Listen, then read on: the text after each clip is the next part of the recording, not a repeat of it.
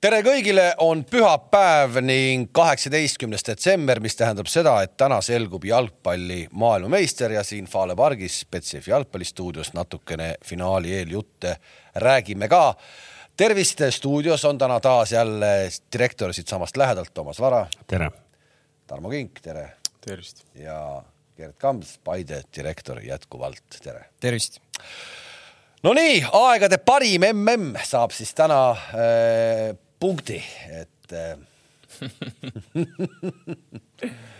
on olnud au, on olnud au, suur au on olnud seda olnud vaadata seda MM-i. ei no kas pole mitte nii, et äh, iseenesest on äh,, ma olen täiesti nõus, et, et alustame natuke sellest, et mida siis FIFA läbi Infantino suu äh, on vahepeal otsustanud ja, ja kasvõi kuidas see väljapoole paistab, et oota, toimetaja küll tegelikult ütles, et äh, alustuseks pidid kingitused olema ah,. no üleüldse, siis sel juhul ma tahaks teha ühe paranduse, et vaatajatel ei jääks arusaamine, et ma olen bussijaama direktor, siis päris nii see ei ole, eks ei, bussijaam on siit kaugel, see, sa oled ikka lähemal, sa oled lähemal. ja, aga õige, õige, õige, toimetaja sa, käskis üle anda äh,. sa juba hakkad särama, ma saan aru või äh,? säran, ei, mul on hea meel, sest mina tõin teile kingitusi.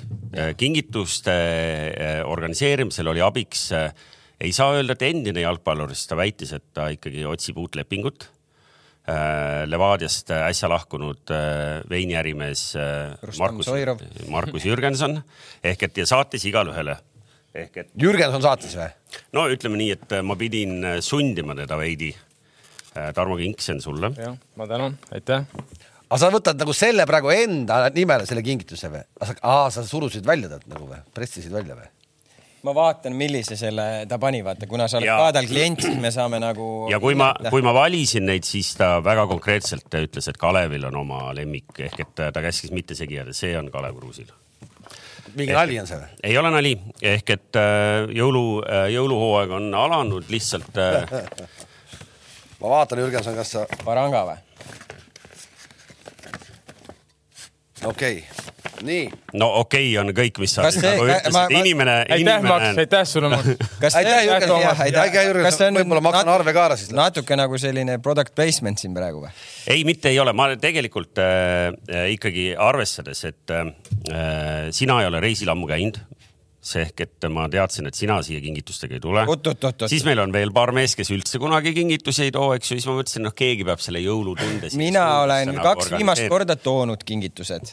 just nimelt, aga ainult reisidel. ma veits, ma veits kuidagi olen nagu, nagu pettunud, nagu et, et ühesõnaga mina pean vaatajate eest hoolitsema ja ja, ja tõin siis äh, õigesti vastanud äh, vaatajale Al. Alvarile. Alvarile tõin siis äh, pusa, TV3 spordipusa, Alvar, võta siis Toomas Varaga ühendust. Eh, Toomas Vara annab sulle selle ära või võid minuga ka ühendust võtta, ma võin sulle ise ka ära tuua või saata kuskile, võta minuga ühendust kuidagi. ära Instagramis võta, ma ei oska sealt vaadata neid sõnumeid. no lihtsam on, et kui Alvar, kui sa oled praegu ka vaatajate hulgas, siis sama kanalid, millega sa ühendust juba võtsid, eh, anna endast uuesti märku ja siis lepime kokku. ja mis suurus, suurus ka, et ma saan isegi suuruseid valida, tead oh.. nii, nüüd on eh, organisatoorsed küsimused enam-vähem lahendatud mm. -hmm. Läheme edasi nüüd siis aegade parima MM-iga jah, ehk et Infantino, eks ju, tuli tund aega hiljem ajakirjanike ette, säras. ütles, et eh, tõepoolest olen siin korraldanud aegade parima MM-i, kõik tänaval kiidavad ja, ja tulevad vastu, patsutavad õlale ma ei tea, noh, et me siit kaugelt vaatame. mina, ma, mina üldse, mina, ma isegi, ma isegi ei varja, ma olen, ma olen väga isegi nagu murelik, et maailma kõige populaarsemat alaliitu niimoodi juhitakse selliste väärtushinnangutega nagu Infantino ja selliste väärtushinnangutega, nagu mindi siit Eestist sõnumitega ka teele, tegelikult on see väga väga murelik ja külm hakkab, kui mõelda nagu süvitsi selle peale, mida me, mis nende meeste peas toimub. see on päris paha, päris paha. et teie peades või noh, et visualiseerida seda, mida Kalev praegu äh, ütles ehk et me kõik mäletame, kuidas äh, Vladimir Vladimirovitš Putini jaoks mõeldi välja Venemaa äh, konstitutsioonis ja muus seadusandluses skeemid, et ta saaks olla noh, põhimõtteliselt aegade lõpuni president siis noh, ega FIFA ei jää palju maha, eks. ei jää.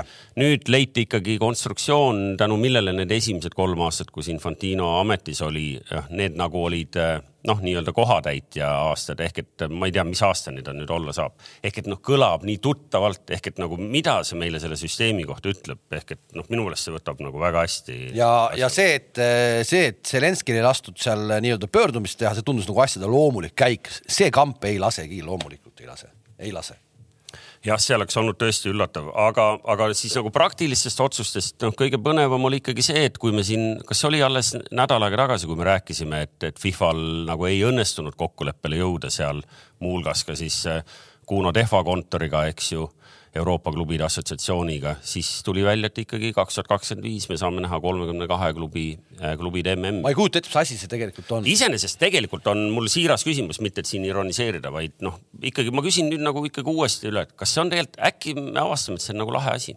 ei no äkki ongi, võib-olla sellepärast, et äh, asi, et, et meistrite liiga nagu vajas, vajaks nagu mingit reformi, kindlasti tundub vajab. tuleb, me saame ju näha, mis saab uuest sellest äh, uue Šveitsi nii-öelda tabelisüsteemi no no. meil turniir igal juhul muutub, meil, meil tekib mingisugune, nagu klassikud ütlesid, paradigma nihe. no miks see reformi vajab?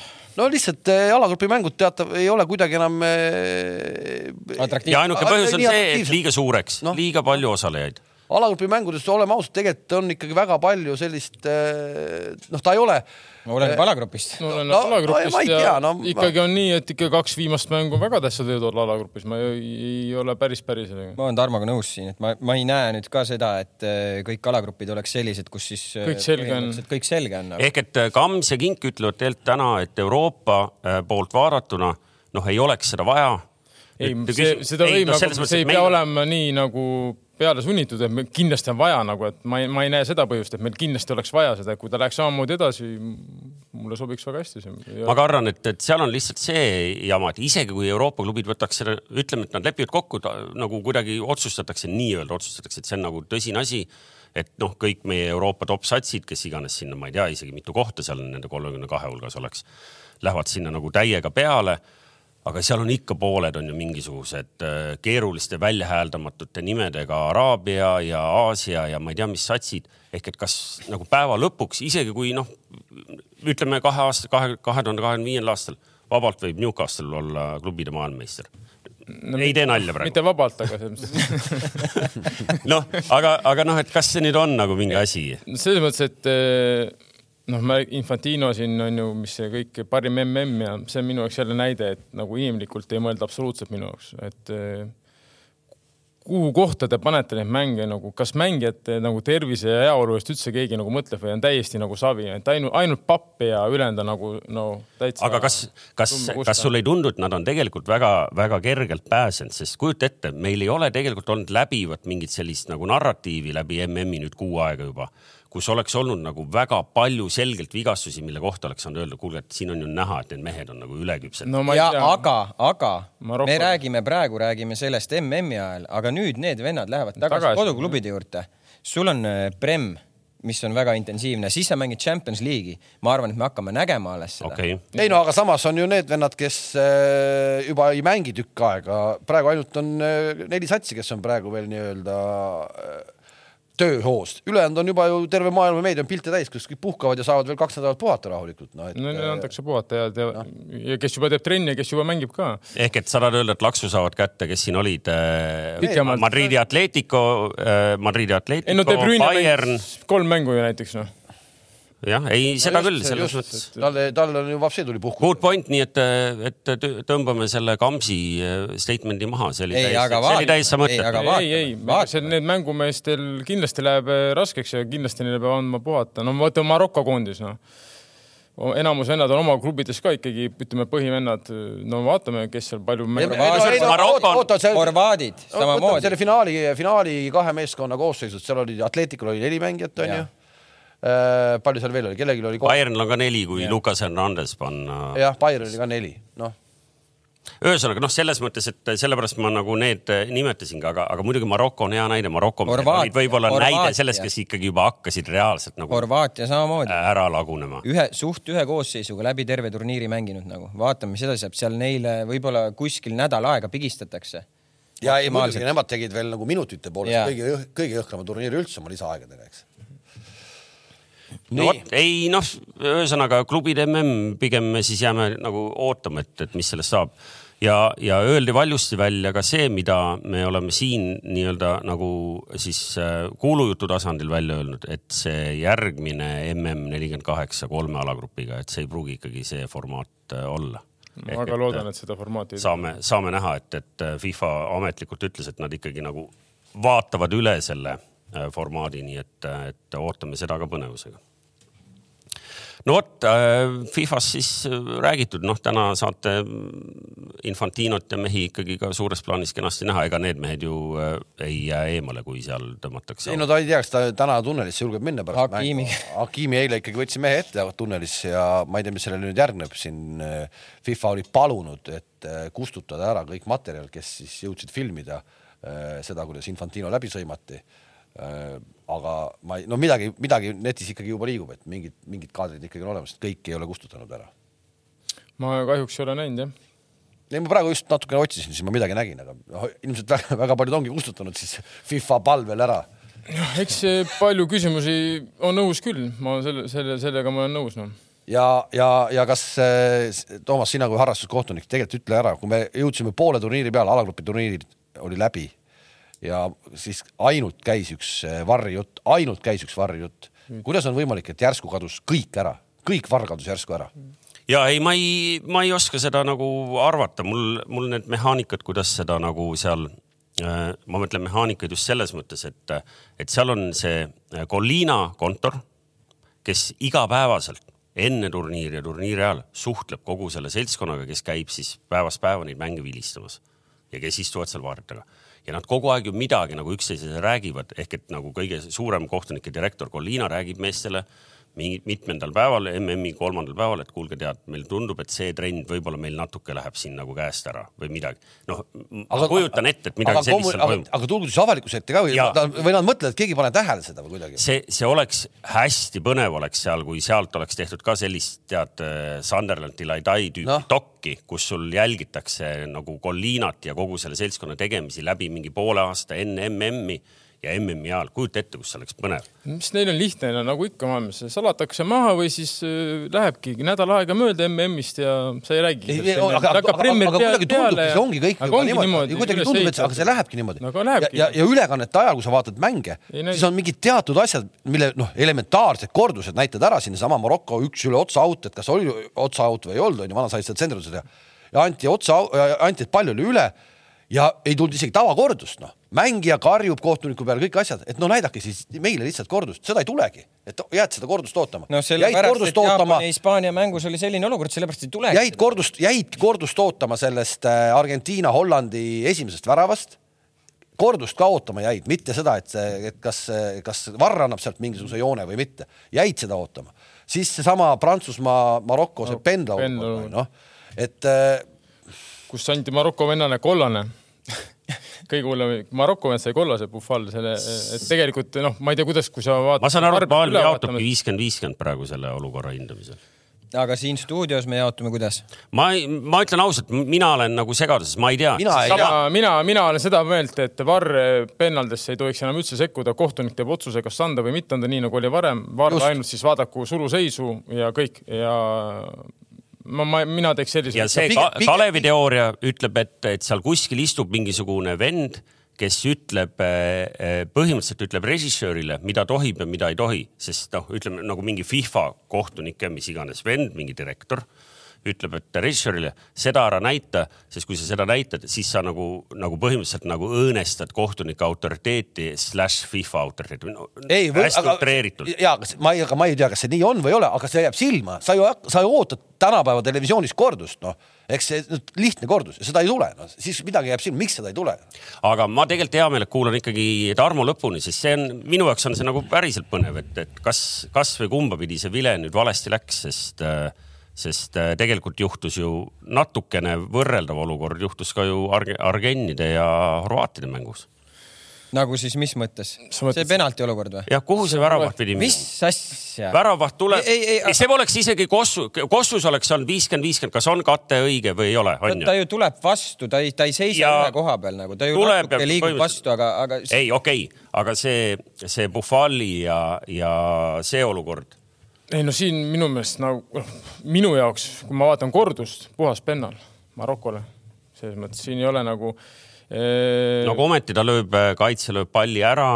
Aga okei okay,, ta läheb lõpppärast, läheb sisse, samamoodi Livakovitš mängib palli ära, aga läheb pärast sisse, noh, saad aru, sa võid ju palli ära lüüa, aga seda, kui sa pärast ikkagi lähed sisse mängijale, siis see võib ikkagi viga olla selles mõttes. ja ta läheb ju päris suur hooga, ta läheb seda palli lööma, tegelikult ta tegi halva puute, see moment ta tegi halva puute, ta läks seda lihtsalt eh, eh, ütleme varba otsaga ära lööma, et ei tekiks mingit ohtlikku olukorda. põhimõtteliselt ta jäi nagu hiljaks, jah, ta jõudis palli peale, aga Puhval oli seal, ta läks talle sisse, see on pennal.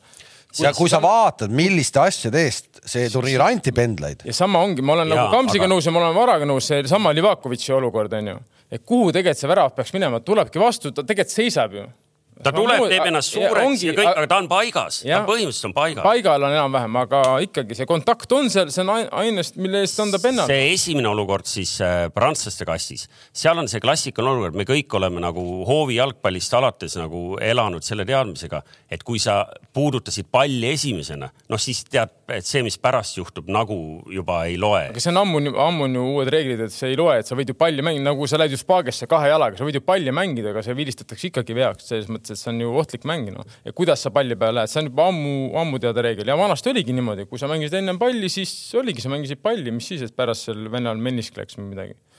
no vot, et jah, Gert Pennal Argentiinale õige otsus, seda ma ütlen, see Prantsusmaa, Maroko olukord, kollane kaart Buffalile, see on täitsa nali Mm -hmm. seal oleks võinud, mina. kui, kui, kuigi noh, kui ma oleks, ütleme, horvaat, siis ma mõtleks, et samamoodi nagu varaimest, et noh, mida, mis selle väravaga teha, muidugi kontakt oli, see on selge, kontakt oli, aga oleme ausad, natuke odav on nagu mängu mõttes natukene odav pennal nagu, et eh, võib-olla oleks tahtnud näha, et kuidas see mäng oleks läinud, kui seda pennalt ei, ei oleks antud. on selles mõttes, see pennal ikkagi tegi põhimõtteliselt nagu muutis mängukäiku kindlasti no.. kuidas keegi mängima, ma olen nõus, kontakt oli, siin pole kahtlustki. ise ma olen Argentiina poolt ka, aga, aga, aga ikkagi oleks nagu noh, ma saan aru, see oli odav, odav selles mõttes, aga no nii, aga äh, arvestades, et me tegelikult ju tahame teha eelvaadet äh, kell viis algavale finaalile, siis äh, meil on võimalus siin ekspertide abiga ikkagi üle vaadata, et kuidas siis Prantsusmaa ja Argentiina läbi poolfinaali tulid. me ei, ärme räägi nendest pikalt, neist on siin juba mitme päeva jooksul jõutud rääkida, aga, aga siis, kui sa näiteks Gert tahad meile Prantsusmaa tugevusi või nõrkuseid kirjeldada, noh siis sa saad kindlasti ju poolfinaalile ka viidata konspektid, ma vaatan konspektid. millest me räägime siis ei no räägime, alustame Prantsusmaast, noh Prantsusmaa. võib-olla, ma ei tea, ma kodus mõtlesin enda peas nagu natuke, et kuidas ma võib-olla sellele peale vaataksin nagu finaalile selles mõttes. kõigepealt panin endale kirja, et võib-olla alustaks treeneritest hoopis seega. Nonii. Scaloni Deschamps, mis teie arvamused, kuidas jagunevad? No minule. Fifty-fifty. aga miks fifty-fifty? no mõlemad on ju ikkagi läbi turniiri tulnud, ma, ma pean pigem ütlema see, kui me turniiri alguses ütlesime, et et, et huvitav vaadata, kes finaali jõuab, kas juba valmisolev meeskond või turniiri käigus meeskonnaks saav meeskond, siis Scaloni töö selles, et Argentiina on ikkagi nagu meeskonnaks saanud turniiri käigus on kindlasti väga-väga suur roll ja, ja, ja kuidagi ongi nii, et ühel pool on meeskond, kes on algusest peale valmis olnud, ka suurte otsuste mees on ju, Deschamps. Suuri otsuseid tegi. Ja teisel on siis meeskond, kes on turniiri käigus nagu meeskonnaks saanud, on ju? jah, Deschampsil kogemus olemas, finaalis mänginud, võitnud, Scalonil tegelikult see puudub, okei okay,, me võime ja. rääkida Copa Ameerikast, see on suur asi nagu selles mõttes on ju. ei, Scaloni Aga... puhul kindlasti veel, et Kalevi jutu täienduseks, et ja eks ju meenutame, et alustati äh, kaotusega ehk et põhimõtteliselt see tähendab ka seda, et, et tuldi nagu sealt šokist nagu väga. just, just nagu..., just, just, et see, et see nii-öelda see kramp on ära kadunud, see kramp oli ju selgelt peal neil. noh, kui me rääkisime samamoodi, et me ei saa täpselt aru sellest pingest ja meenutame Scaloni neid jutte ka nagu rahvusvahelises meedias, kus ta rääkis, et noh, et need pinged ongi jaburalt suured, aga come on, see on jalgpall, katsume nüüd sellest aru saada, et see on jalgpall ja hakkame mängima nagu noh ja see noh, see on see, mis jõuab meile avalikkuse ette, see, mis meeskonnaga sees tehakse, see on päris huvitav. ja et see selles mõttes, mis ma olen ka ise jälginud neid Scaloni intervjuusid, siis minu meelest no ta nagu ideaalne treener hetkel Argentiinale, et isegi kui ta räägib, et jaa, pinged ongi suured ja see, mis on ju, see on ju religioon seal Argentiinas ja me võib-olla siin isegi ei hooma, kui suur see on nende jaoks. aga kuidas ta nagu oskab, vähemalt mulle tundub intervjuudes, ta jätab sellise enesekindla ja rahuliku mulje, tasakaaluka mulje, et ei ole mingit lahmimist, mida ma harjun võib-olla sealtpoolt nägema, niisugust liiga emotsionaalsust. et selles mõttes tundub nagu sellel hetkel, et praegusel hetkel see vend on nagu ideaalne. meenutab, et korra meil sai turniiri käigus sai nagu staartreeneriks Van Haal, eks ju, kes seal laias mees, keda tsiteeriti ja nüüd mõtleme. ja, ja, ja needsamad asjad, kui kõik, kõik mõtlevad, kuidas nii-öelda nende vastu mängida siis üllatab tegelikult ju Argentiina mingites mängudes. näiteks seesama Hollandi mäng. mängu ajal ta muudab ka taktikat. just, et, et ta on nagu, ta on nagu, noh, oodatakse, et kui kõik räägivad, kuidas Messi vastu mängida, onju. aga ta teeb nii, et pärast räägitakse sellest, kuidas kuradi teiste vastu mängiti, noh. no ühesõnaga, et ma saan aru, et Kerril on seal konspektides nagu pikemaid eh, punkte eh, selle kohta, aga, aga Argentiina, tähendab Prantsusmaa on mänginud põhimõtteliselt ühe sama formatsiooniga läbi ja, terve turniiri. ja Scaloni on, on põhimõtteliselt kogu aeg muutnud, sealhulgas seda, et ta ei ole mitte kordagi alustanud sama koosseisu. ta ei ole kogu aeg muutnud, ta ei ole kogu aeg muutnud, tegelikult neil üldiselt see ju noh, ütleme, põhi on sama olnud, ta muutis Hollandi vastu mängu käigust tulenevalt ja nüüd äh, Horvaatia vastu. Ta tõi Lisandro Martinezi sisse, läks kolmega taha, et mäng enda kontrolli alla piltlikult öeldes saada nagu.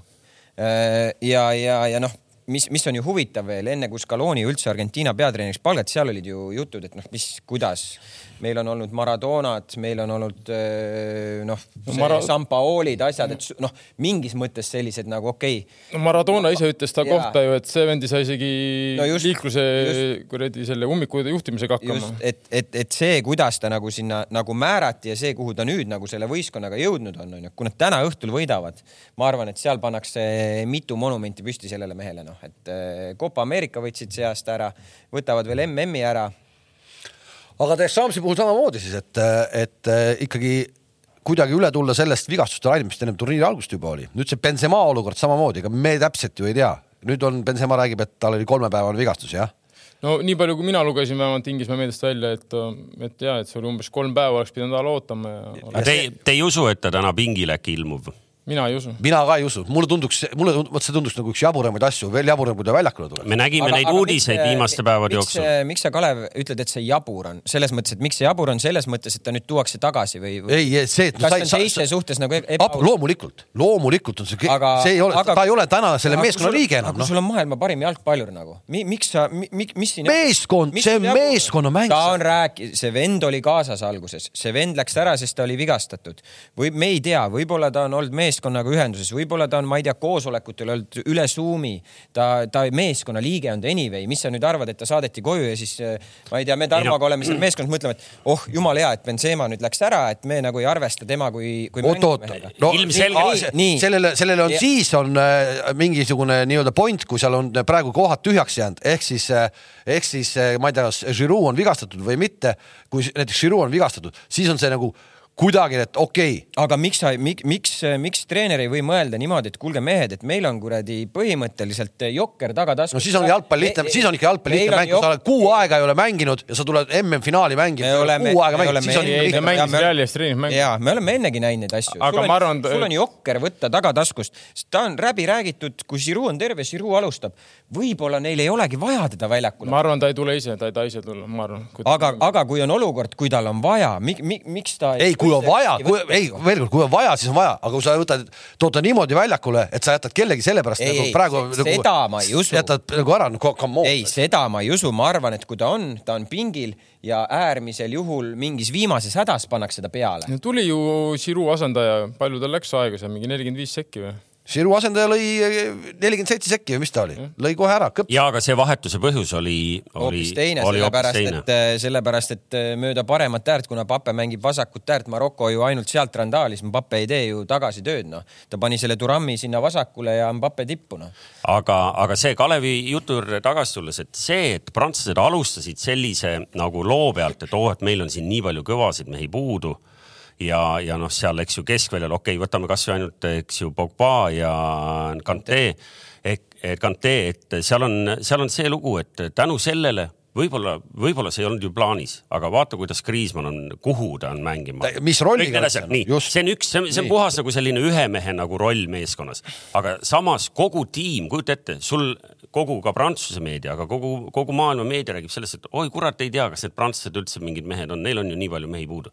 aga see seltskond, kus sinna kohale tuli nende jaoks on ju see nagu trigger põhimõtteliselt, see nagu ütleb neile, kuule, et meie kohta öeldakse, et kuule, me pole ju õiged mängumehed, et õiged mängumehed on kõik kuskil kodus. ma, ma seda sellisel et... tasemel nendel meestel ma ei usu. vastupidi, vastupidi on see just sellisel tasemel nendel meestel eriti kõva sütitaja. ma ei usu, ma ei usu mina, mina ei usu seda, et seal on mingi, räägitakse sellest, et kuule, meedia ütles, et me ei ole mängumehed, noh. Need on piisavalt suured mängud. mäletate no., ma arvan, et see oli kõige esimeses MM-i saates, mis me siitsamast tegime, kui me rääkisime sellest, et nii, et Benzema on vigastatud ja Benzema läheb põhimõtteliselt tol hetkel oli teadnud, et ta läheb koju, et noh, kõik siis äh, ma, ma arvan, me küsisime Kalevi käest, et kuule, et kas sa tahad Prantsusmaad äh, maha tõmmata. ma ütlesin, ma ütlesin, ma ütlesin, et las ta jääb kolmik, kolme hulka, et Brasiilia niikuinii võidab, aga las ta jääb kolme hulka nagu, et noh, kolme nii-öelda top, topi hulka, et Brasiilia niikuinii võidab. sest see tunduski, aga nad, ja see on ka huvitav, nad olid kohe head, nad olid esimesest mängust peale Prantsusmaa hea olnud, nad ei ole teinud eh, halba mängu, suures plaanis halba mängu. Ja ma pigem olen sellega nõus, et nad on hästi stabiilselt mänginud, nagu et, et isegi see Maroko mäng tegelikult, kui mõelda nagu sellele. Eh, jah, Maroko alustas viiega taga, Sais sai vigastada, võeti välja, siis ta läks nelja peale, mis nagu selle mängu nagu Maroko kätte andis nagu. Nad said selle mängu mingis mõttes kätte, aga kordagi mulle ei tundunud nagu selle mängu jooksul, et Maroko kuidagi võiks selle mängu võita või sellest paarist edasi minna, et prantslased nagu mängivad kuidagi niimoodi, et nad võivad anda initsiatiivi ära. ja, ja, ja mul ei ole tunnet, et okei okay,, et Maroko siit võib nagu kuidagi nagu selle mängu ära võtta. mõlema, mõlemad finalistid poolfinaalis olid palli valdamisega alla neljakümne prossa ehk et see näitab nagu huvitavat sellist nagu trendi, aga, aga see, mis Kams praegu rääkis, see meenutab ja, ja häbiga tunnistan, ma ei mäleta, kelle tsitaat see on, aga ütles, et, et see prantslaste praegune mm, see mäng seal MM-il meenutab seda hiilgeaegade Saksamaad või, või veel rohkem seda omaaegset seitsmekümnendate Lääne-Saksamaad, kes ei pruukinud mänguliselt terve mäng nagu domineerida, aga sa vaatasid neile peale, sul oli kogu aeg selline tunne, et sa tead, kes võidab ja Ehk... siis, siis siit me jõuame võib-olla tagasi selle treenerite jutuni, kui sa vaatad nagu Deschampsi ka, võtame sellesama viimase mängu Maroko vastu onju. ta teeb nagu ka, ta nagu kuidagi hästi nagu tunnetab või, või saab aru nagu, et mis hetkel ma vahetused pead tegema, kelle ma pean vahetama, võib-olla ma pean formatsiooni mõttes, ma ei tea, ühte mängijat tõstma teise kohta, et asjad pidama saada. et nagu ka see on minu, minu nagu arvates nagu Deschampsi puhul väga selline tugev nagu omadus et loomulikult seal pingil on ka mehi, noh, kes ongi nagu kõvad mehed, pole midagi öelda, aga ta nagu kuidagi päris hästi nagu suudab, suudab nagu seda meeskonda juhtida ja aru saada, mis hetkel midagi teha nagu. Deschampsist saaks äh, teine peatreener, kes on suutnud tiitlit kaitsta, eelmine, kes ei mäleta, meie nooremad vaatajad võib-olla ei mäleta, et kolmekümne neljandal ja kolmekümne kaheksandal aastal Vittorio Pozzo itaallast. no seda mäletad küll ainult sina mina julgen ka öelda, et ma seda ei mäleta seda, te, seda teist karikat nägid ise pealt ka, kui ta kaitses või seda ta juba vaatas telest. see oli küll mustvalge tal, aga vaatas seda juba telekast. nii, aga ei iseenesest me oleme poolkogemata juba jõudnud äh, päeva põhiteema juurde, sest äh, me räägime, eks ju, Argentiina-Prantsusmaa finaalist. samas mõlemad peatreenerid peavad vajalikuks pressikonverentsil öelda, et, et siin ikkagi ei ole tegemist Mbappe versus Messi, eks ju, sellega. Aga samas meil on stuudios äh, harrastustaktikud, kes ei ole oma pro litsentsi veel ära teinud, aga, aga sellegipärast me kuulaksime hea meelega, et mismoodi nüüd hakkavad mängima kaks meeskonda, kes, nagu ma ütlesin, näiteks poolfinaali järgi vaadates hea meelega loovutaks äh, palli valdamise teisele, mängiks pigem võib-olla taha äh, tühja ruumi kontrate peale ja, ja mängivad meeskonnad, kellel on siis väljakul kummagil üks ringi jalutav tegelane piltlikult öeldes mm. -hmm. Mbappe, Opta, eks ju, kelle andmeid me kõik siin oma elus kasutame tänapäeval, ütleb, et kogu turniiri kõige vähem kaitsetöös osalev mängija üldse aga samal ajal vastase kastis olles viiskümmend kaheksa puudet, messil kolmkümmend seitse. ei no muidugi sa oled vastase kastis, seal on. ja, ja, ja. seal talle meeldib olla. on, on, seal talle meeldib. meile meeldib kõigil olla. no just. seal meile meeldib kõigil olla, aga väravaid mõlemal viis. no lähme üle Va, vaatame ära, viissada seitsekümmend minutit, Messi nelisada seitsekümmend seitse, Pape, viis väravat mõlemil. Äh, sööte kolm-kaks, Messil kolm, Papel kaks. Äh, lööke on kakskümmend seitse, kakskümmend viis raami äh,? raami, mul siin kirjas praegu ei ole. Messil neliteist, Mbappel kümme. ja nüüd chances created. on kaheksateist ja üksteist. mis me järeldame? no Messi toodab rohkem toodab rohkem. aga veel kord, Messi, see on terve mees, terve turniir on räägitud, et Argentiina ongi ainult Messi ümber. Prantsusmaa nii palju ei ole, kuigi Papeest räägitakse ka palju. no ma arvan, et, et kõigepealt peab ütlema seda, mida ja, tavaliselt Kalev mul. ja ühe mängu on Messi rohkem ka mänginud. et. ta on ju sada minutit rohkem mänginud mida Kalev tavaliselt mulle ütleb, et tead, et need ajaloolised numbrid, need on põnevad küll, aga noh, need nagu täna ei, ei loe konkreetselt kell viis, kui vile, eks ju, kohtunik suhu paneb. ehk et eh, seal on pigem küsimus nagu selles, et sul on reaalselt täna tekib väljakul olukord, kus me rääkisime, kuidas Messi küll mängib täna rohkem keskel kui vanasti, kui ta rohkem paremal äärel liikus, aga kui ta ei ole keskel, siis ta liigub paremale. nüüd meil saavad ühel väljaku äärel saavad kokku kaks meest kes vahepeal ei tee mitte midagi räägivad juttu. ja, ja kusjuures nad ei tee mitte midagi, aga nad ei tee seda mitte midagi ka niimoodi, et nad ka ei saa kordagi kokku, sest nende territooriumid, kus nad liiguvad, ei, ei kattu absoluutselt. äkki täna saavad? no aga rääkige meile, mis seal tegelikult täna juhtuma hakkab siis...? iseenesest on, äh, ma ei tea, seda kaarti olete näinud, seda Messi nii-öelda pallipuudute kaarti, sa rääkisid, noh, see keskel on, et ta teeb siis kuusteist protsenti äh, oma puudetest teeb siis äh, siin kasti taga on ju, kõige noh, konkurentsis kõige enim ja seal Papee ääres on tema pallipuutud üks protsent protsent, ehk nad ei, nad ei kattugi. ei, no vaata, Kalev, kõige parem pilt, see ei, see ei jää ilmselt ekraani peal näha, aga vaata, see, see näitab, kus nad toimetavad. ja, ja, ja, jah, just. ehk et äh.... huvitav saab see olema, et kes see nagu selle mängu rohkem enda kätte võtab, sest et Prantsusmaa kindlasti ei taha initsiatiivi võtta, kuigi Prantsusmaa on tegelikult suuteline ka rahulikult tegema kõrget pressi, kuna neil on kiirem ja tugevam koosseis kui argentiinlastel, siin pole kahtlustki et äh, aga ma millegipärast ei usu, et nad teevad seda, kuna nad pole terve turniir seda teinud, lihtsalt lambist hakata nüüd tegema seda, kahtlen Argentiina ka hea meelega lasi, nagu nägime Horvaatia vastu, lasi ju lükata horvaatidel. ma arvan, see protsent, mis muidugi oli Horvaatia kasuks suure, suuresti tuli tänu sellele, et nad lükkasid muidugi seal oma poole peal ja keskpildi juures, et ja, ega nad ohtlikud ei olnud kordagi. lõpuks nad suutsidki, okei okay,, noh, ma ei tea, Brozovic võeti seal sageli mängust välja, nad suutsid leida Modricit, Kovacitsi, aga, aga viimasel kolmandikul. no viimane, Arg-, Argenid on väga agressiivsed ja, ja viimane, et selles mõttes, et nad nagu teadlikult andsidki ära selle ja ei olnud nagu probleemi. et, jah, see on minu jaoks nagu huvitav, kes selle nagu initsiatiivis võtab, ütleme näiliselt vähemalt, et ma, ma ei, ma ei, ma ei nagu ei tea, kuidas, ma arvan, et. aga mis sa arvad nagu selle koha pealt, et mis taktikaga Argentiina sellele mängule läheb? no kõik räägivad muidugi neil, ma ise arvan, millegipärast nad lähevad viiega, ma ei tea, miks mitte sellepärast, et nad nüüd nii hirmsasti nüüd seda Mapet kardavad või noh eks me oleme näinud, et ega see Mbappe on tehtud ka suht vaikseks, kui vaja on. aga ma arvan ikkagi kindlam on minna viiega, sest ma räägin, et noh, Prantsusmaal on, neil on nagu, no neil on ikka räige kiirus äärtes olemas, neil on jõudu. Nad on nagu füüsiliste näitajate poolest nii palju paremad kui argennid. Argennid minu jaoks on lihtsalt sihuke, kuidas öelda, noh, ma arvan, inimesed saavad aru, kui ma ütlen niisugune naturaalne jalgpallimeeskond. noh, saate aru küll, mis ma mõtlen. Need on, nemad on nagu, nad on nagu jalgpallurid, siuksed puhtad, elegantsed, IQ, kõik blablabla bla, bla. ja need on atleedid, prantslased on minu jaoks atleedid, noh et äh, huvitav vastasseis nagu, et äh, puhas jalgpall minu jaoks ja siis nagu siuke. no üldiselt atleet. tänapäeva sport läheb ikkagi selle sinnapoole kaldu, kus on need atleedid. aga vot see ongi väga hea point nüüd ja, ja. nüüd vaatame, kui need argennid võidavad, kunagi hakkas ära kaduma samamoodi enne Peep Guardiolat, kui tuli Partsasse põhimõtteliselt kõik lühemad mängijad hakkasid juba pilt ära, on John Kärju, mäletate, sihuke ründaja oli suured, kõik tulid suured, Zlatan, kõik noh, tundus, et nüüd läheb käest ära, nüüd ongi, kui sa meeter üheksakümmend ei ole ja masin ei ole, siis vist ilmselt on kõik. jumal tänatud, tuli Peep tegi selle tiki-taka ja. aga nüüd on Pepi käe all kõige suurem masin üldse. jah, seda küll. oota, aga see Ar Argennide viiene liin oleks sel juhul eh, kes? ei no siis ta, noh, see, see oli ta, Tarmolt mulle noh, see sihuke hea teemaarendus, et eh, kas nad kardavad seda papet, noh eks nad ikka mingis mõttes kardavad, onju. teistpidi jälle. respekt neil on, aga nad noh. selle viiese liiniga mängides, kui nad omavad initsiatiivi see tähendab ka automaatselt seda, et eh, ega Pape nii lihtsalt seal üleval ka lehvida ei saa. Kus sul need wingback'id on seal üleval aga..., ta on, ta on sunnitud natuke ikkagi rohkem alla töötama.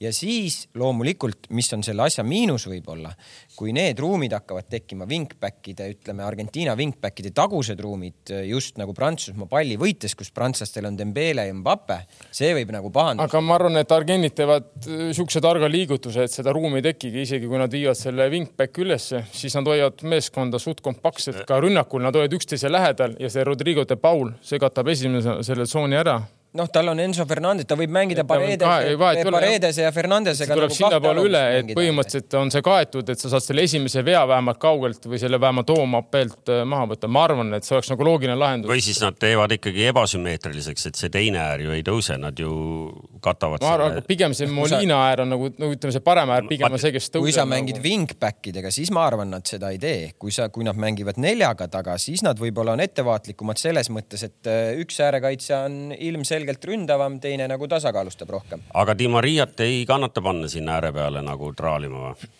ma ei usu, et nad praegu teda panevad. ma arvan, ta läheb enam-vähem sama koosseisuga, mis ta. seal on selline teooria, eks ju, et noh, me, me pole sellele nagu päris kinnitust saanud, aga vaata, kuvandeid on väga raske murda, et, et Mbappe selja taga peab teda nagu siis nagu aitama nii rünnakutel, aga siis ka kaitses lappima räigelt, eks ju, Theo Fernandes kes noh, äärekaitsjate seas nagu maailma kõige kõvem äärekaitsja tegelikult ei ole, noh, tobe on rääkida mehe kohta, kes on MM-i finaalis praegu, eks ju, algkoosseisus platsil.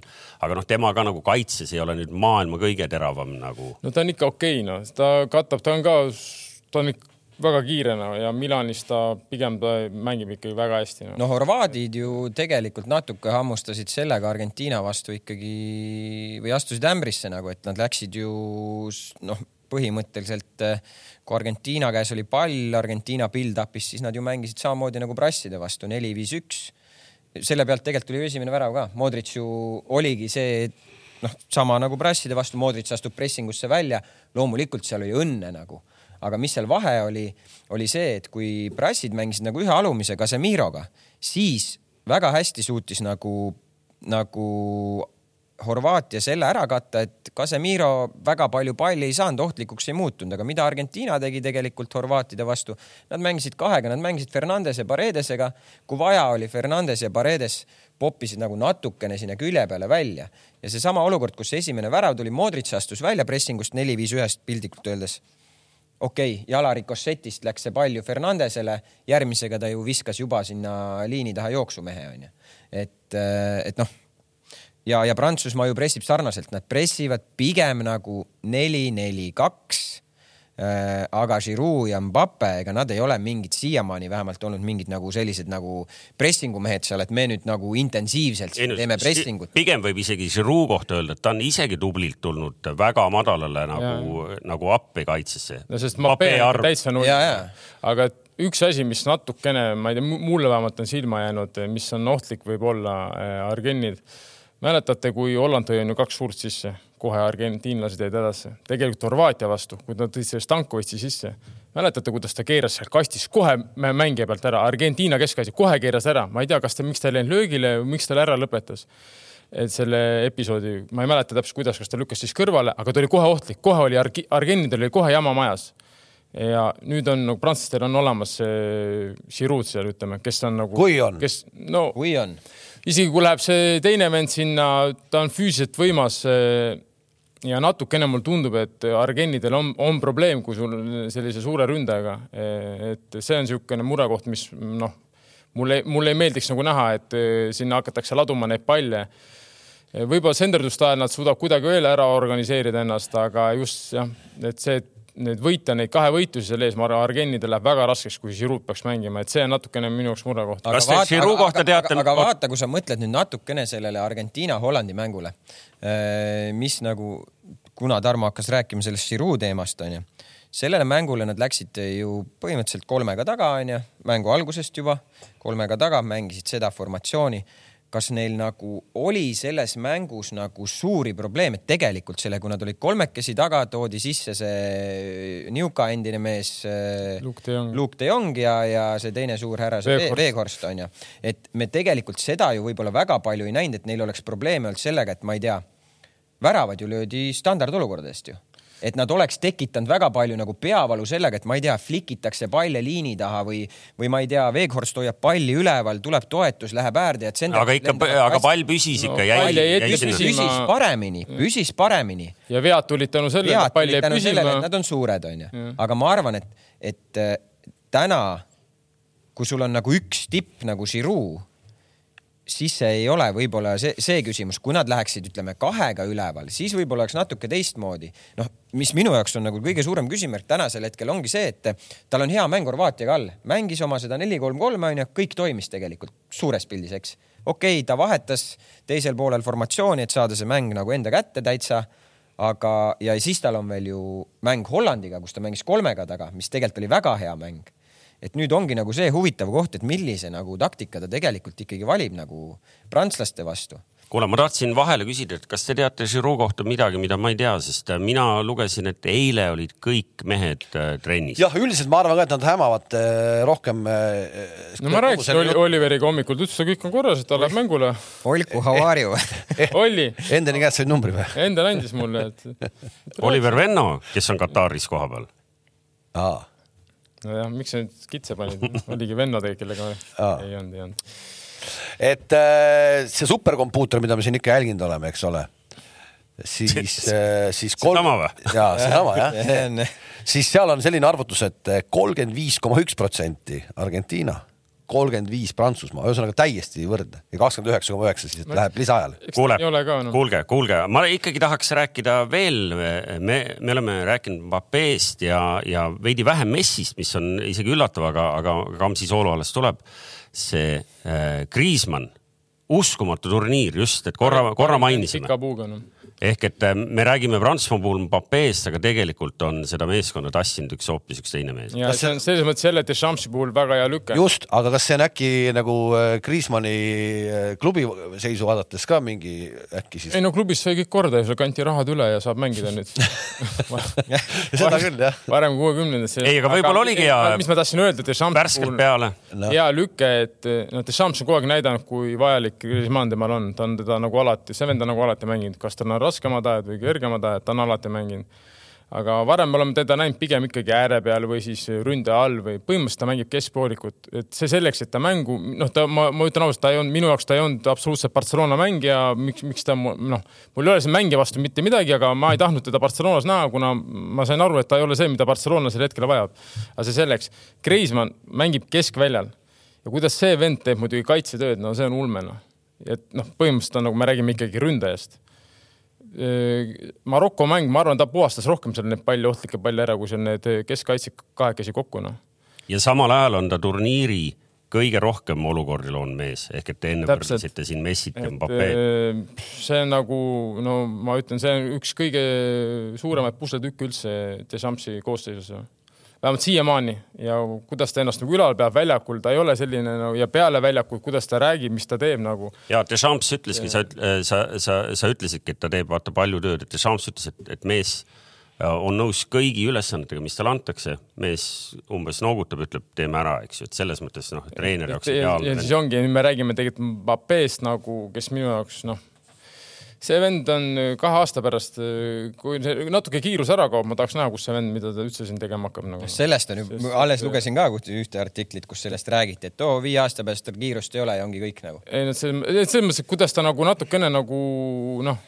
liiga, mitte ei, ta ei ole, ta on väga hea mängija, lihtsalt äh, ma ei saa aru, kuidas saab kuradi ühel kahekümne kolme aastasel olla nii palju sõnaõigust igal pool ja jutustada ja teha ja laamendada nagu, et äh, natukene võiks nagu tõmmata nagu tuure maha, ma saan aru, maailmameister ja võib-olla tuleb täna vaata, see, vaata aga..., see on sellepärast, et ta, ta, tal on võimalik täna õhtul tulla läbi aegade esimeseks mängijaks, kes nii noorena on kahekordne maailmameister ja ikkagi. ei, aga see ei ole suur, tema, see on mees. suurt, suurt rolli on ta ikkagi mänginud seal noh.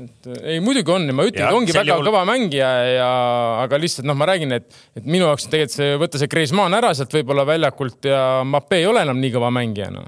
see on see, mis ma tahan öelda, noh. Et see, sa pead ikkagi austama nagu oma meeskonnakaaslasi ka, et see ei ole nii, et sa nüüd päris üksinda siin teed, ega sama ka, ka Messi kohta, ega Messi Barcelona, kui kuldajad olid, ega ta üksi ei mänginud seal, sul oli, me rääg, alati räägiti ka fantastilisest Xavist, fantastilisest Iniestast, fantastilisest Busquetsist, fantastilisest David Villast ja nii edasi ja nii edasi ja nii edasi. ega selleks, et üks mängija lõpuks ju särada saaks, peab meeskond hästi mängima. see, seal ei ole mingit nagu küsimust et, ja, ja sinu. selleks, et üks mees saaks keskmiselt viis tuhat ükssada meetrit jalutada, peavad sul ümber ülejäänud kümme venda no olema. aga ma arvan, et see vend tegelikult ei adu seda, et üle, tema mängis seal, jooksis viis tuhat meetrit ja ülejäänud vennad seal eh, ladusid kaksteist, noh. Ta, ma arvan, ta, Griezmann, ta ei saa arugi, ta savi. ja ei, ma pigem pidasin silmas praegu hoopis Messit, kes reaalselt. ma pidasin Mbapped. jah, tema nagu nii-öelda jalutamine on nagu teisel nagu levelil hoopis või noh te,, teist, teistsugust tüüpi jalutamine. aga sinu see. seitse korda Ballon d'Ori ka võitnud muidugi, niisama vaheldusel sinu küsimusele, Daily Mailis tänases on kirjas, et Oliver Giroud and Rafael Varane taups for Sunday, sest et Saturday ei teinud treeningut no Daily Maili ikka usaldame ju. no eriti prantslaste puhul. ei no Vuti puhul ikka. ja ei, ei noh, selles mõttes, kuna Kalev meenutas siin nelja aasta tagust MM-i, siis äh, vaatasin üle need, äh, vaatasin üle selle, kuidas prantslased Argennid välja lülitasid, eks ju. neli-kolm. R kuueteist hulgas, väga lustakas mäng oli. et vaadake üle ja, ja finaaliga tuli meelde see, et Mbappe lõi ka seal finaalis, ta lõi Argennide vastu kaks väravat ja, ja finaalis lõi ühe värava. Kui ta nüüd jälle skooriks, siis ta võtaks ühe mingisuguse järjekordse rekordi, eks ju, kahes finaalis järjest. aga mis mul silma jäi? üks mees mingi, üks mingi prass oli teinud seda. ja ei, selles mõttes, et seda on tehtud enne, aga et äh, mis mul silma jäi, oli see, et ta mängis tol ajal seal paremal ääres ja nii palju, kui sa jälgid nüüd tagantjärgi neid highlights'e, siis seal ei olnud nagu niimoodi, et ta lihtsalt tuli ja kuskilt jooksis mingi viiskümmend kilomeetrit spurt või noh, okei okay,, viiskümmend meetrit spurt ja, ja midagi juhtus vaid seal oli rohkem sellist nagu konksutamist ümber äh, värava. noh, okei okay,, highlights'id võib-olla ei peegelda päris täpselt, aga igal juhul mängis ta hoopis ju teises ääres, me ei mäletagi seda enam. võib-olla Prantsusmaa siis äh, mängis ka natukene teistmoodi selles suhtes, ega praegu ju. no muidugi, Kriismann lõi väravaid. ma no. räägin, et mis see nagu Prantsusmaa ju suuresti ka tugevus on see, kui neil on ruumi Dembele ja Mbappega joosta nagu see võib ka põhjus olla, miks nad on nõus seda initsiatiivi ära andma vastasele, et neil tekikski ruumi nagu palli võites nagu. ei no selge see, et nad on head mängijad kõik ja neil on head koosseisud ja eks nad, nagu ma arvangi, et nad võivad mõlemat pidi mängida, kui on, kui peaks Prantsusmaa taha jääma, siis nad kindlasti on suutelised ka tegema kõrget pressi ja olema seal ka edukad nagu. et neil on piisavat kvaliteeti ükskõik mis pidi seda jalgpalli siis mängida, kõrgelt, madalalt või ma ei tea, keskvälja pressiga, et selles mõttes kvaliteeti jagub sellel meeskonnal kõvasti, nagu ma ütlesin, minu jaoks nad on nagu täielikud atleedid ja lihtsalt ma loodan, et täna siis nii-öelda naturaalne jalgpall. no põnevaid ebaolulisi fakte veel, et kui Messi finaalis skooriks, siis see oleks esimest korda MM-i ajaloos, kui, kui on kõikidel nagu siis alagrupis ja kõikides ringides nagu mees skoorinud ehk et Messi saaks ühe paljudest rekorditest veel endale, aga, aga mis jäi mul silma, üks küsimus, et noh, ma ei tea, kas see tegelikult on, arvestades, kuidas tänapäeval kogu maailma info on kõigil kättesaadav. see, et me, et Messi on mänginud, eks ju, Mbappe, Griezmanni ja Dembelega koos ühes klubis. Kas see nagu tänase mängu kontekstis annab nagu mingit lisainfot, kas nagu umbes, et Messil on nagu eh, mingid jutud, mida Deschamps vasak on vaja kinni panna või? see. kuule, Molina, ole, ole ettevaatlik, ma pean päris kiire ehk et eh, täitsa mõttetu teema või? ei no seal võib-olla tead ei mingisugused. No, eh, seal on ju, kas, kas ei ole nii, et sa ütled, ma tean, et sellele vennale absoluutselt ei meeldi, kui tal, kui tal viie, kui tal esimese viie minuti jooksul kaks korda ikka varvastab. siuksed väiksed asjad võivad olla ja, küll jah. sama, võib-olla kasvõi see, et sa lähed, ma ei tea, mõni on juba ebausk, vaatad tunnelis talle mingisuguse jama seal, noh, korraldad ära. kahukoore paned nina peale, jah no näiteks. näiteks, ei, ma olen nõus sellega, et seal on ju hea, et kui sa elad selle, aga ma arvan, need on ka sellised asjad, mida nagu no kui sa oled ikka nii kaua areenil on nagu need vennad seal enamus põhikoosseisu vennad, siis noh, ma arvan, et sa ei nagu ei saa millegagi üllatada.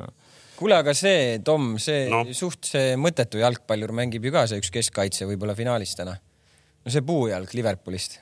Konate? Konate jah. ongi puujalg vaata, kui nurgel need on ei on, on, ma ja loen Oled. siin ja loen siin mingeid mängukokkuvõtteid, analüüse, räägitakse, et Varane ja, ja Konate peakski Prantsusmaa koondise põhikeskkaitsepaar olema, et Upamecano peaks pingile jääma. aga no ei, kui on, siis on, ega. ei, ei no kui Upame-, kui. kus see Harry Maguire praegu on? see ükshärvikuga passus. kuule, aga eile lugesite seda, et Inglismaa ju tegelikult oleks võinud veel siin ju maailmameistriks tulla. jah, mingi pöörane abstraktne teoreetiline konstruktsioon see, see kõlas, see kõlas nii, et, et kui, kui praegu kolmanda-neljanda koha mängus oleksid äh, saanud mõlemad meeskonnad niimoodi viis äh, punast kaarti, et mehi jääb alla seitsme väljakule, siis tuleb mäng nagu tühistada. Mis tähendaks ka seda, et noh, seal on veel on omad tingimused, eks ju, need kaardid peavad tulema ühel ajal, sest noh. juba hakkas nii ebahuvitav. ei, põhimõtteliselt oota, kolmanda-neljanda koha mäng tühistatakse, tühistatakse, nii. Ja sama asi juhtub nüüd tänaõhtuses finaalis ühesõnaga, meil ei selgunud kolmas äh,, neljas ega esimene, teine koht ei selgunud, siis mängud tühistati. edasi vaadatakse fair play'd ja, ja. ja Inglismaa. kuule, aga siis, kui väga hästi siin läheks, siis võiks isegi Eesti maailmameistriks tulla ju. hakkame seda teooriat ka võtma jah, et see, siin võiks see ei ole kaugel. aga noh, sada viiskümmend punti eest ära koristada ja eilne, eilne pronksimäng muidugi rikkus selle juba ära, selle. kahju no täna on kohtunikuks on Simon Marciniak, see poolakas, kes on vilistanud siis mõlemat äh, meeskonda ka juba tegelikult, selles mõttes ma arvan, et on hea. Taani ja Prantsusmaa mängu vilistas ja vilistas seda Argentiina. Austraalia. Austraalia jah.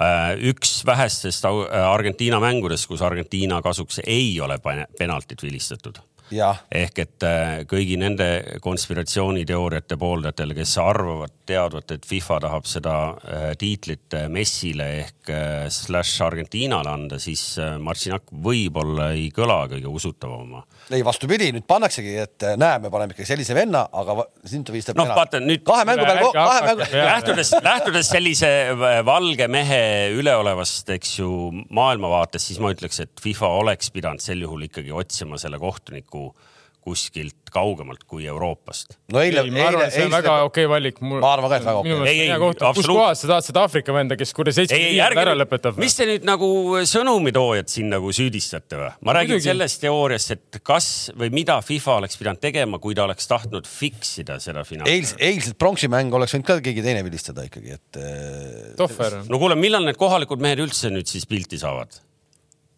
jah panevad kolmanda koha mängu. kade oled või? no poiss naeratas kogu aeg seal, Maroko vennad olid juba kättpidi kallal, ta naeratas rahulikult, muigas. Nende teadis, mis nendega tehakse no. kas on vaja mängida kolmanda-neljanda koha mängu? on küll. mine, mine ütle Maroko meestele, et ei ole noh. või horvaatidele, mine ütle, et ei ole, muidugi on. ma ei ole mitte kunagi selle, ma olen äh, kuidagi, meil, siin jääb mulje selline Eestis, et seda ei, see ei koti kedagi no kurat, no nendel horvaatidel, kellel täna on üheksakümne kaheksanda aasta pronks kodus, neil on see pronks kodus, noh hõbe ka. noh. kaheksateist. ma vaatan kiirelt meie kommentaariumit ja, ja siin üks mees teab, et et äh, Drake, eks ju, siin noorem põlvkond, Kalev ei tea. Kalev, Kalev teab ainult Sigur Rossi, aga, aga uh, USA räppar Drake, väga kuulus, eks ju mm, -hmm. tšeki üle uh,, kes on väga paljudele sportlastele ebaõnne toonud, nii kui ta kuskil kellegagi pilti teeb, kohe mingi jama on väidetavalt panustanud siis Argentiina võidu peale, nii et siit. palju ta panustas, tead? Ei tea. äkki oli vist Argentiina võit oli kaks koma midagi kolmkümmend, ma, ma ei mäleta, ma nägin seda pilti kuskil, ta pani miljon eurot äkki või miljon dollarit või? no ütleme, ütleme siis äh, meil all ekraani peal on ka siis need äh, koefitsiendid olemas, et kerge favoriit ikkagi tundub, et siin on äh, Betsafe'is on Prantsusmaa või on see õige või? no ma ei tea, kas, kas Betsafe'i meestel ei ole seda superkompuutrit? kaks, seitse, kaheksa on Prantsusmaa ja Argentiinal on kaks, kaheksa, viis mm -hmm. jah, miljonise beti tegi Drake. Mm, aga eh, saada Drake'ile, et ta võiks järgmine kord, kui ta tahab panused teha, ta võib otse mulle, et ta ei pea kuhugi panema, et ma võtan ise vastu. aga ma võin anda. tunduvad enam normaalsed panused. ma võin anda, kes tahavad ikkagi tõsiselt ennustada, ma võin anda ühe vihje veel, et eh, seitsmekümne kaheksandal aastal oli, oli viimati, oli viimati, kuulake oli viimati finaal, äh, finaalis meeskonnad, kes olid turniiri jooksul ühe mänguga juba kaotanud, ehk et meil on siis sarnane olukord ka täna. ja, ja, ja tookord oli Argentiina kaotas esimeses alagrupis, mitte esimeses mängus, vaid seal oli nagu alagrupp oli nagu kaks äh, levelit. kaotas esimeses äh, Itaalia vastu null-üks ja Holland kaotas kellele, šotlastele kaks-kolm. hiljem me kõik teame, maailmameistriks tuli Argentiina, nii et siit teile siis tänaseks veel üks vihje okei okay kuule, aga ma jäin praegu vaatama, kas Marcinak on, me peame ikka Eesti tooma sisse ka, kas ta vilistas seda superkappi Real Madrid ja Atletico siin meil, nii et ikkagi Eesti mees. on, on, on, ei. A Le Coq Arena'l ikkagi jala maha pannud mees on täna MM-finaali kohtunik. kõik õige, noh. Nii on, kas äh, meil on finaaliga selles mõttes selge, et me rääkisime teile lood kõik ära, me ei ole valjusti välja öelnud, äh, kes võidab, äh, mida ilmselt kõik tegelikult ju nüüd ootavad, et palju nagu, palju eksperdimaks üks stuudio ei lähe, nii et siin täna saaks selle nagu lõpliku tõe nagu no, teada. kes valitakse parimaks mängijaks? tänane mäng annab selle, tänane mäng, tänane mäng annab selle vastuse, üks, üks kahest, noh, me saame aru, üks kahest valitakse. või kolmest äkki Kriismann. äkki Kriismann näiteks, näiteks kui Kriismann, huvitav, päris pull, kui Kriismann täna otsustab finaali nagu ära oma väravatega, noh lööb väravaid, kas valitakse siis tema parimaks või? ei no ma ei tea, ma praegu ise mõtlesin samas. ma ei kujuta ette, mis see, see, see solvub nii kõvasti, see jookseb minema. kuule, kuule, kuidas ei, ma ise mõtlesin on? seda, et Martines, Lautaro Martines ei ole ka veel jalga lahti löönud, et äkki täna lööb nagu kaks ja. Lautaro või? ja, aga kas te teate, kuidas see süsteem üldse käib, see valimine või? Sina valid või? ei, ma ei küsingi. suvalised vennad istuvad ja neile öeldakse, et nüüd ütleme selle nime ja siis nad kirjutavad selle nime ja nii ta käibki, nagu ikka enamus valimisi. oota, aga kui jäävad äh, väravad viis-viis, kes selle kuldse saab? Äh, söödud ka vist ikkagi. söödud otsa läheb. söötudega on Messi ees ju. söötudega on ees jah. ehk et äh, no iseenesest äh, prantslased neli aastat tagasi võitsid, sealt on pooled mehed on praegu satsis, kes on juba maailmameistrid anname selle Argenidele, ma ütlen, anname Messil, mitte ei anna, noh, ütleme, ma, ma nagu natuke ütleks praegu. tahad, et Argeni mineks? ma pole mingi suur Messi fänn läbi ajaloo olnud, aga ma ütleks, et noh. kelle fänn sa oled läbi ajaloo olnud siis? Fabian Schär. rahu, rahu äh,, äh Njuka mängis eile äh, Raio Vallecano vastu kontrollmängu. St James'is Park, puupüsti rahvast täis, ma ei, ma ei liialda praegu väga, ei, ei Müst.... Inglismaal ja rahvas täis yeah., müstika.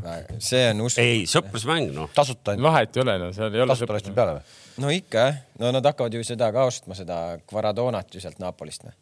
ai, see on kõva, siis te pillite kõik. ei, mõtle iseenda karjääri mõttes, selline noor poiss, kuhu Newcastle'isse ta läheb, ei lähe ju noh no ikka läheb ah,. ei, kuhu ta läheb? igale poole no.. ühesõnaga Kalev ütleb, et võidab. mina ütlen Argentiina, sest ma olen Argentiina poolt. mul on täiesti ükskõik, kes võidab, kuigi turniiri alguses ma siis Prantsusmaa panin ikkagi kolmikusse, Argentiinat mul kolmikus ei olnud ah,. Toomasel on keegi mängus veel või? ei ole. ei ole. Argentiina? ei ole, sul ei olnud kolmikus. Brasiilia, Argentiina, Inglismaa oli nii või? ja mul on, mul on see paber alles. võib-olla, võib-olla. mul on toimetaja. paber alles, valgendaga üle. mul on toimetaja juures see paber selle valgega on pandud maha tõmmatud, kirjutatud. ma panen Instasse pärast, jälgige minu Instagrami kontot, äh, likeige ja kutsuge sõpru kuule, aga meil üks teema ju veel siin arutada, siin eelmine ju saade oli üks kihlvedu ja mul on väga palju küsitud sellel teemal. õige, õige, õige. No, kas, teeme... kas me seda videot ei? ei, oot, oot, oot, see ei ole õige, me läheme koos saali, ta näitas. kes ei mäleta, siis eelmises saates tekkis vaidlus teemal, kas Gerd Kamps suudab äh, võrkpalli, võrkpall on teadupärast Eesti kõige, kõige edukam pallimänguala.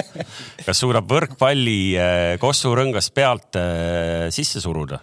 Ja oleme ausad, eh, tuleb tunnistada, et eh, tekkis mingi video, kus ta seda tegi aga ma ei olnud ise kohal. Eh, ja ma ei ole kindel, kas see oli mingi vana video või oli see uus video, kas see korv oli lastud sinna madalamale, sellest oli väga raske aru saada. ma olen Kalevi poolt natuke, sest see maika, mis Kamsil seljas oli, see nägi väga selline kaks tuhat kaks. enne seda panime kossu.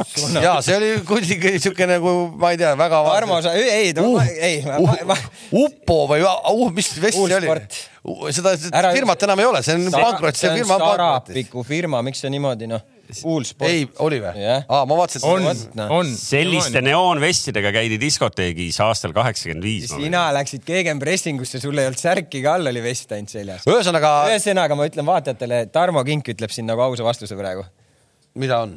Mis ta ütles? kas see, kas, kas see video vastas tõele nagu? kindlasti video, video vastas tõele, aga ma, no ma ütlesin, et ma arvan, Kalev tahab, et sa tema ees ka. just täpselt, absoluutselt, me läheme okay, koos. ma ütlesin sulle, ma olen kindel, et ta paneb selle pealt üle. sa võid ära tuua. filmime ja kõik. too auhind ikkagi ära. too ära noh. selles mõttes too ära ja siis filmi pärast otsa, ma võin sulle ära öelda juba no.. ei, rahu, ma annan auhinna seal üle siis, kui äh, tõesti see juhtub minu silme ees aga oleme ausad, et nagu tormihoiatus on antud selles osas ja kõlab uskumatult, tegelikult ka noh ainuke variant, kui Drake teeks nüüd Kamsiga pilti, siis oleks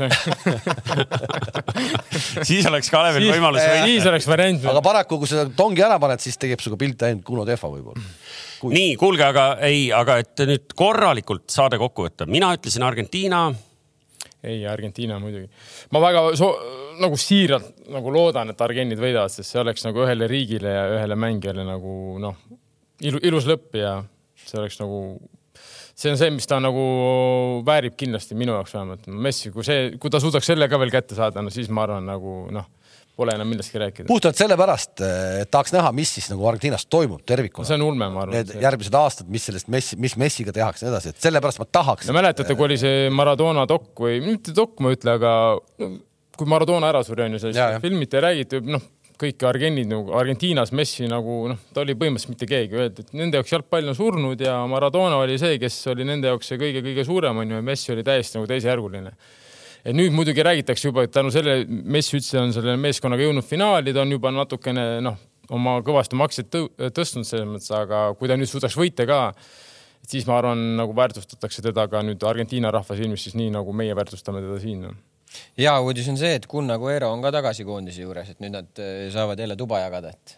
seal hea uudis on ka see, et, et kui me rääkisime enne, et paralleelides seal eelmiste MM-idega, siis kaheksakümne kuuenda aasta MM, kui Argentiina võitis ja Maradona koos, siis need numbrid, kus Maradona osalemine Argentiina ohtlike olukordade loomises, mitte ainult väravad, vaid kõik ohtlikud olukorrad, on numbrid täna täpselt üks-ühele, mis on Messil täna, kaks tuhat kakskümmend kaks. tähtede seis nagu soosib Argentiinat seda no, kõik, kõik äh, lisaks Kalevi superkompuutrile, kõik see, mis ma teile praegu ette lugesin, noh te, tehke ise nüüd järeldused õiged ära. superkompuuter andis null koma üks protsenti suurema edu Argentiinale see on tõesti super.